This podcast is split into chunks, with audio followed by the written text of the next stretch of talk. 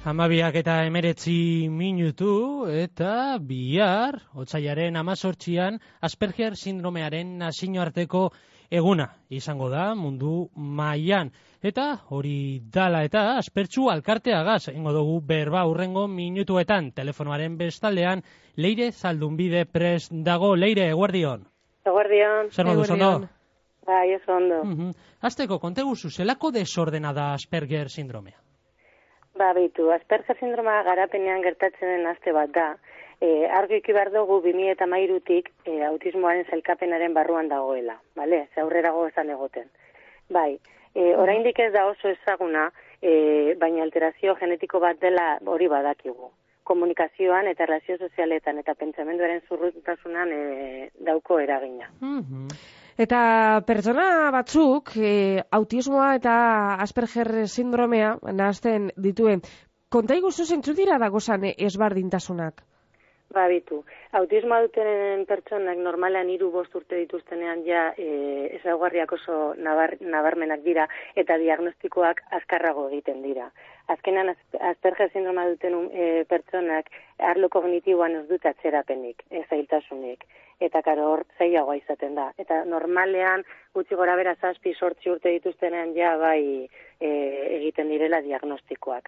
Baina beste ezaugarrietako bat hizkuntza da autismoaren ezaugarri bat da hizkuntza atzerapena eta Aspergerra duten e, pertsonek hiztegi bikaina izaten dute batez ere beraien intereseko arloetan. Mm Bizkaian zenbat aurrei personei eragiten deutxe Asperger sindromea? Ba, bitu, oraindik ez dago edatu zehatzik.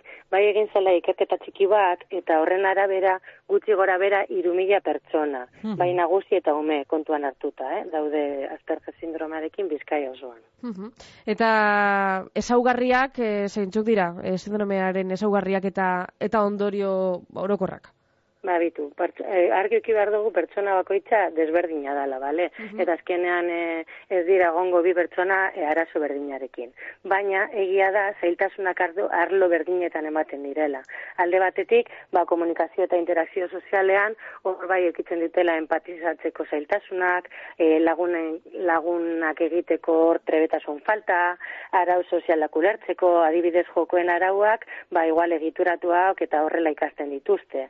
Gero hizkuntza aldetik euren volumena eta tonua oso alto izaten da eta testu inguru desberdinetara e, egokitzea kostatzen zaie, pues adibidez sineman edo eskolan, hor bai kostatzen zaie e, volumena eta kontrolatzea. Mhm. Gero hizkuntza aldetik bai oso literalak izaten dira, txisteak eta zentzu bikoitzak ez dituzte oso ondo ulertzen. Eta gero beste desberdintasun bat edo ezaugarri e, nabarmen bat da pentsamenduaren zurruntasuna. Hor bai aldaketak e, txartu eramaten dituzte eta azkenean gaur egun e, gure bizitzan aldaketak denbora guztian dauz. Eta horreri e, beurentzako oso onuragarria izaten da aldaketa horrek aurretiaz ezagutzea, beti ezin da. Baina bueno, hor bai autorregulazioerako eta oso oso onuragarria izango izan. Hmm, leire, eta bai. aspertzu alkartean zelango lan egiten dozu, eh? Ba, bitu, aspertzuti garrantzia asko moten dutzagu e, gizartea sensibilizatzeari. Azken horren horretarako egiten dugu, ba, ekintza desberdina, ba, formakuntzak, itzaldiak, merkatu solidarioak, tailerrak, urtearen arabera. Eta gero, aspertzuk, bai emoten dauela baliabide asko e, eldua izuzendutako ekintzetan adibidez badago familia laguntza talde bat, e, mit bidez edo elkartzen direla hirien behin, eta euren ardurak eta elkar banatzen dituzte. Gero bai sortu zen, e, Asperger e, sindromea duten bikoteak e, egoteko taldea. Gero bai e, gazteak lamundura nola sartu e, erakusteko tailerrak eta gero egiten dira ekintza asko aizialdiari oinarritzen direna. Azkenan esan dugu bezala euren zailtasunetako bat erlazio sozialak dira.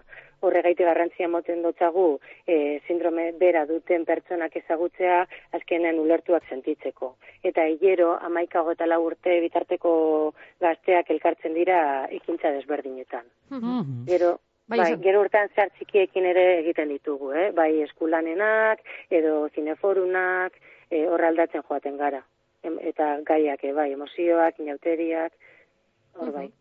Eta zentzu horretan, e, leire Asperger sindromearen nazio arteko eguna ospatzeak zelako garrantzia dauka?